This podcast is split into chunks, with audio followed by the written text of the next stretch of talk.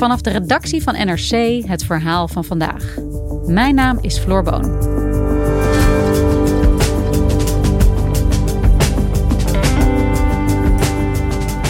De film Honeypot van collectief Kirak wordt vandaag voor het eerst openbaar vertoond. Het is een provocatieve film die veel vragen oproept, want mag je seksuele beelden van iemand uitzenden die dat nadrukkelijk niet wil? Tegenstanders spreken van het verheerlijken van seksueel geweld en vrouwenorganisaties protesteerden tegen de vertoning. Tristan Terling onderzocht de controverse.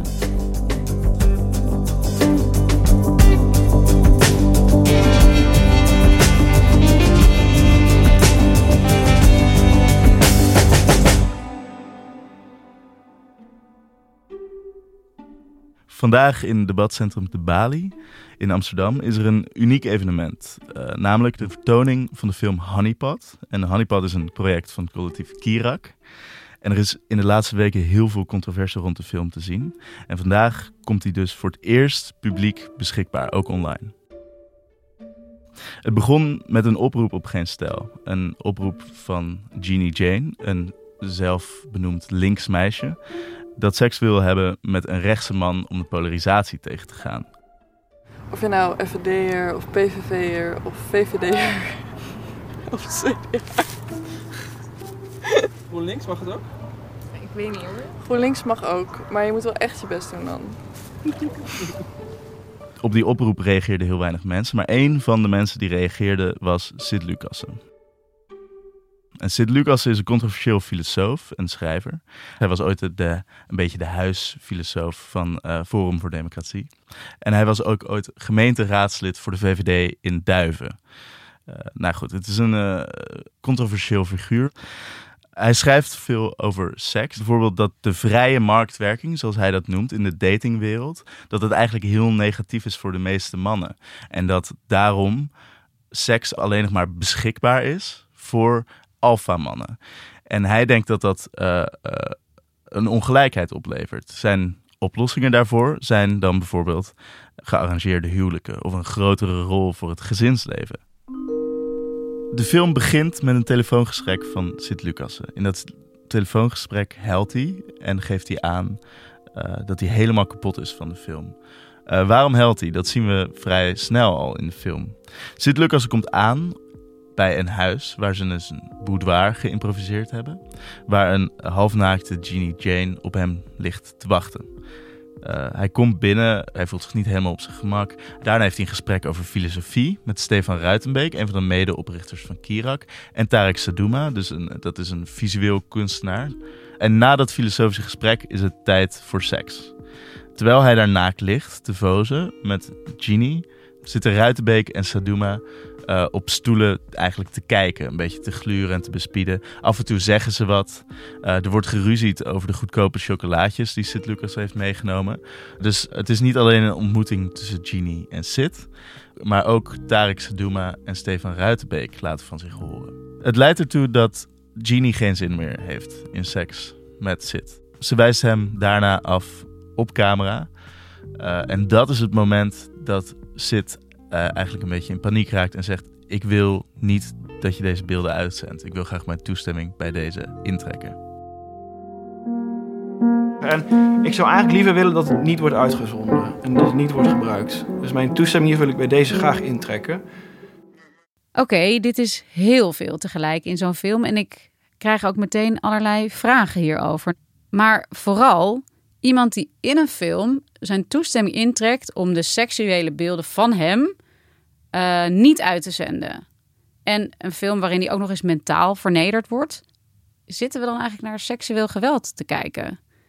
En Tristan, jij besloot hier toch over te schrijven. En we spreken hier nu over in deze podcast. Geven we er op deze manier eigenlijk niet ook te veel ruimte aan? Ja, ik heb daar wel veel over getwijfeld. Um, moeten we wel iets wat wellicht moreel onverantwoord is, zoveel aandacht geven?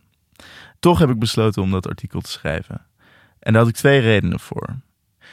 Ten eerste, die discussie was al gaande. Er was al een discussie op Twitter na het verschijnen van de trailer en ook na een artikel uh, dat in het Parool had gestaan over de ethiek van deze film. En daarin, in die discussie, zat heel veel onjuistheid. Er waren heel veel mensen die feiten door elkaar haalden. En je kan die discussie niet hebben als de feiten niet bekend zijn voor alle partijen.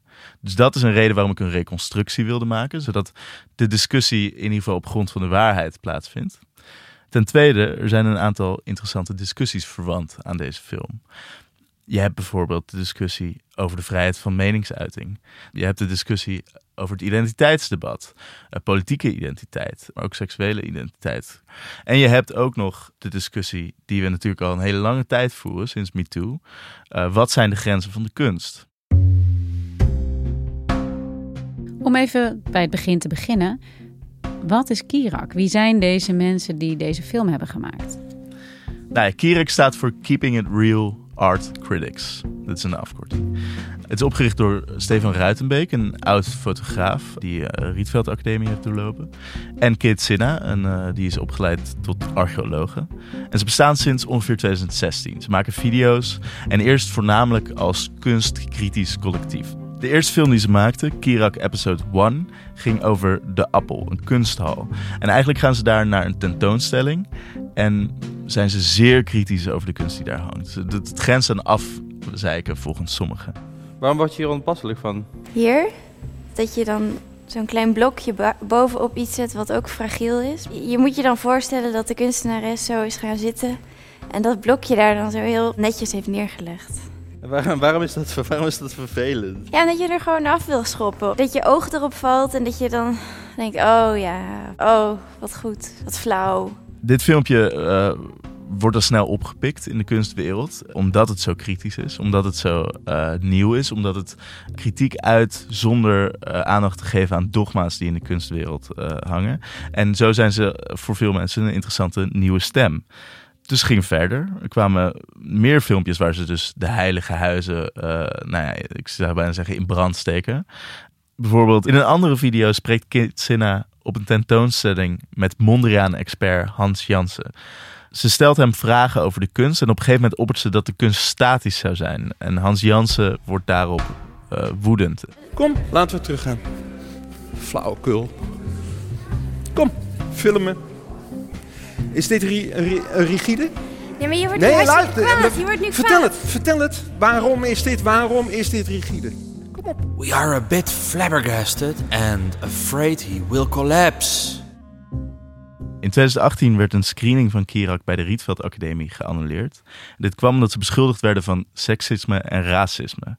Uh, seksisme dat ging over een video uh, uit 2017, Kirak episode 19, Who's Afraid of Harvey Weinstein, waarin Kate Sinna eigenlijk kritiek uit op de MeToo-beweging en beweert dat vrouwen vaak zelf die grenzen opzoeken. Ik denk dat er heel veel situaties zijn waarin vrouwen eigenlijk van hun eigen begeerlijkheid genieten doordat zij juist die grens gaan opzoeken van uh, bezoedeling.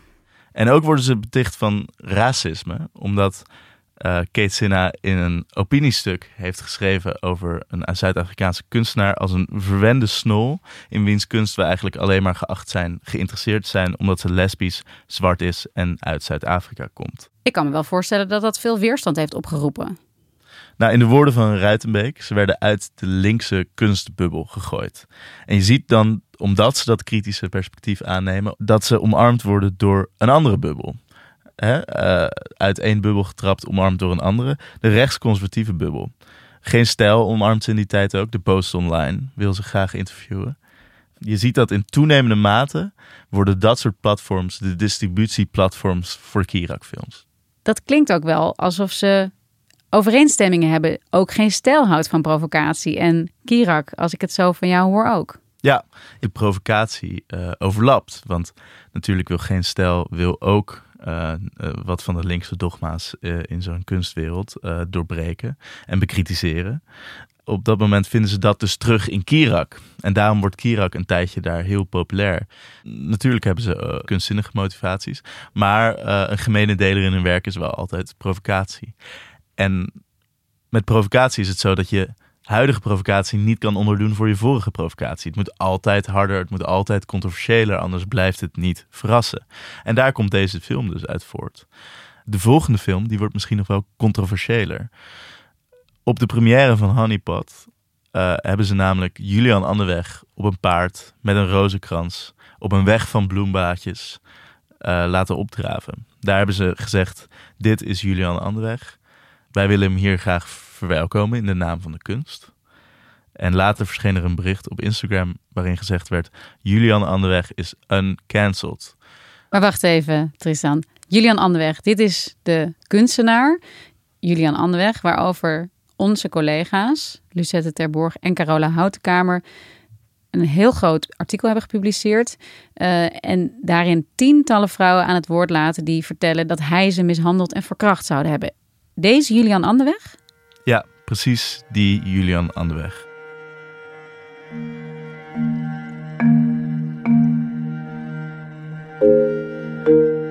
Dus Kirak zendt een film uit waarbij een van de hoofdpersonen op beeld zijn toestemming voor het uitzenden daarvan intrekt. En bij de première wordt Julian Anderweg op een paard gezet.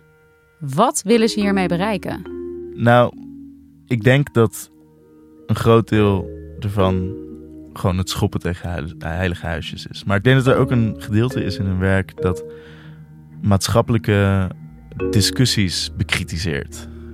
En je ziet dat in het effect van die film over Sid Lucassen. Dat eigenlijk voelen linkse mensen zich nu geroepen om een aardconservatieve filosoof te verdedigen. En wat doet dat met het maatschappelijk debat? Dat is denk ik ook een bedoeling. Die chaos zaaien. Wat zijn de kanten? Wat is links in deze situatie en wat is rechts? Maar er is een verschil, lijkt mij, tussen wat is links en wat is rechts. Maar ook ongeacht of je het met iemand eens bent of niet, goedkeuren dat iemand ja, geweld wordt aangedaan, fysiek of mentaal in een film, en dat dan uitzenden. Hoe kijken ze daarnaar? Nou, Kate Sinna, een van de, dus een van de stuurkrachten achter Kirak, uh, die had daar wel twijfels over. Want die heeft hem natuurlijk ook huilend aan de telefoon gehad. Maar die dacht ook, als ik dit niet doe, of als het ongemak van Sint-Lucas nu zwaarder laten wegen dan de film, wat is er dan? En ze zegt daarover, dan is er geen film, dan is er eigenlijk geen Kirak. En waar leef ik dan voor? Wat is dan mijn doel? Waarop Ruitenbeek zegt, jij zegt het veel beter dan ik. Ik heb de neiging om over Napoleon te beginnen. Hij mag er 500.000 man doorheen jagen voor Frankrijk. En ik mag niet één Sint-Lucassen laten huilen. Hoe kijkt de kunstwereld dan naar zo'n collectief als Kirak? Nou, ik heb me wel verdiept in Kirak zelf natuurlijk, maar ik ben geen expert wat betreft de kunstwereld. Dus die vraag die je mij nu stelt, die had ik eigenlijk ook. En die vraag die heb ik dus gesteld aan Sandra Smallenburg, onze chef van kunst en cultuur. Ja, ik denk dat er uh, in de kunstwereld vooral met uh, argwaan uh, naar Kirak wordt gekeken. Ze, ze, presenteren zich natuurlijk als een soort luizende pels. nou ja, dat, dat doen de meeste kunstcritici ook. Alleen hun methodes zijn wel echt anders.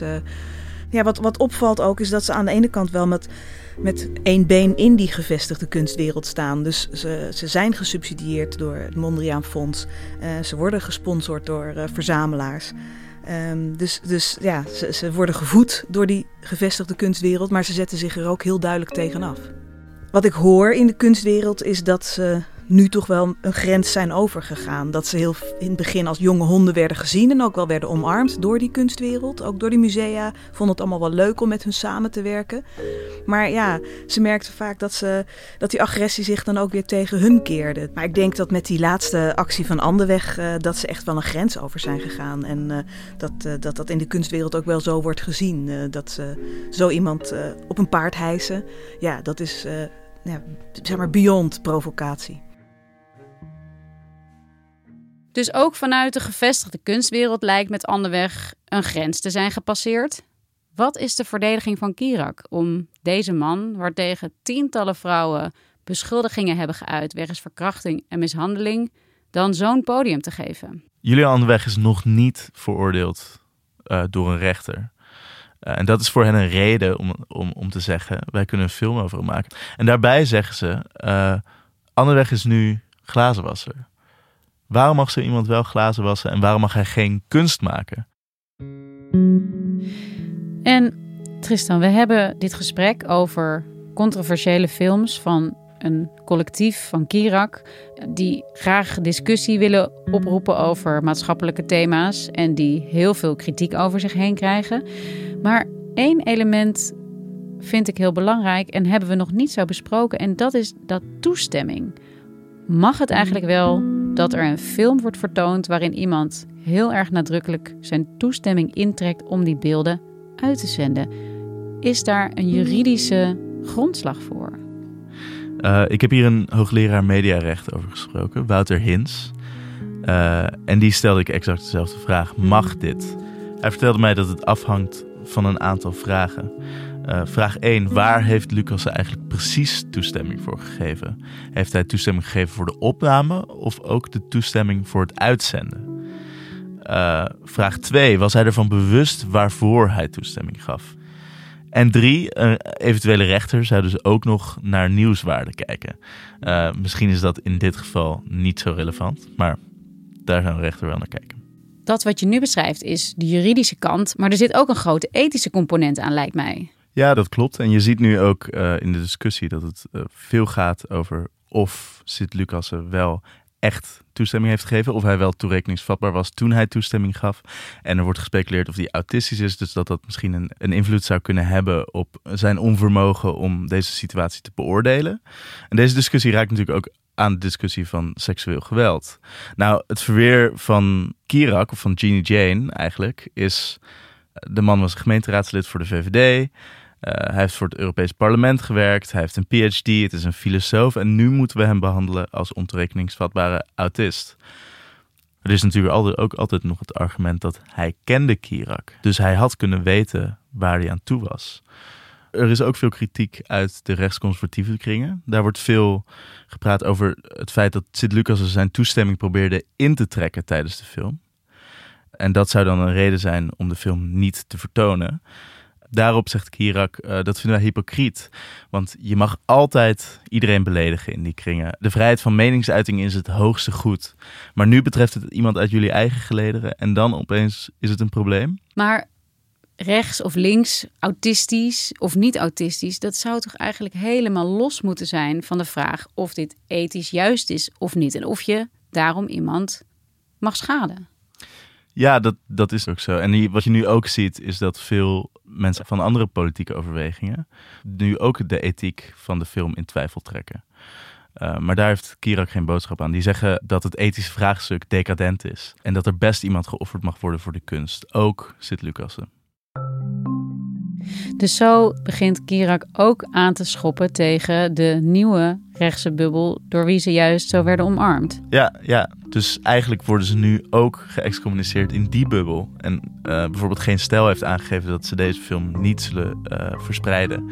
Wat ze wel met uh, vorige films van Kirak hebben gedaan. En zij stonden natuurlijk aan de basis van, van het ontstaan van deze film. Dus daar zijn ze ook niet meer zo welkom. Want Tristan, waar moet een club als Kirak eigenlijk heen als ze zo meedogenloos zijn tegen de hele wereld om hen heen? Ze sparen niemand en sterker nog, ze schaden mensen in naam van de kunst. Zit daar überhaupt nog wel iemand op te wachten? Nou, ik denk inderdaad dat hun culturele afzetmarkt, om het zo maar te noemen, uh, krimpt. Ze zijn hun voornaamste distributiekanalen kwijt. En bij wat Ruitenbeek noemt de linkse kunstbubbel komen ze ook niet meer binnen.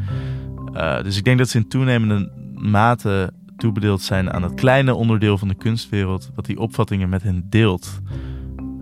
Dat kunstwerk onwrikbaar is, dat daar iemand voor geofferd mag worden. Het is onduidelijk waar ze terecht zullen komen. Eén ding wat ik wel weet, is wat ik op die première zag. Dat er nog wel een heleboel mensen zijn die zitten te wachten op dit werk van Kirak, op die provocatie, op het schoppen tegen die heilige huisjes.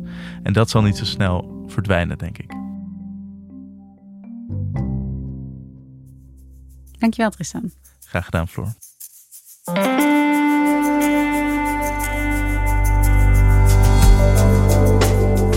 Je luisterde naar vandaag, een podcast van NRC. Eén verhaal, elke dag.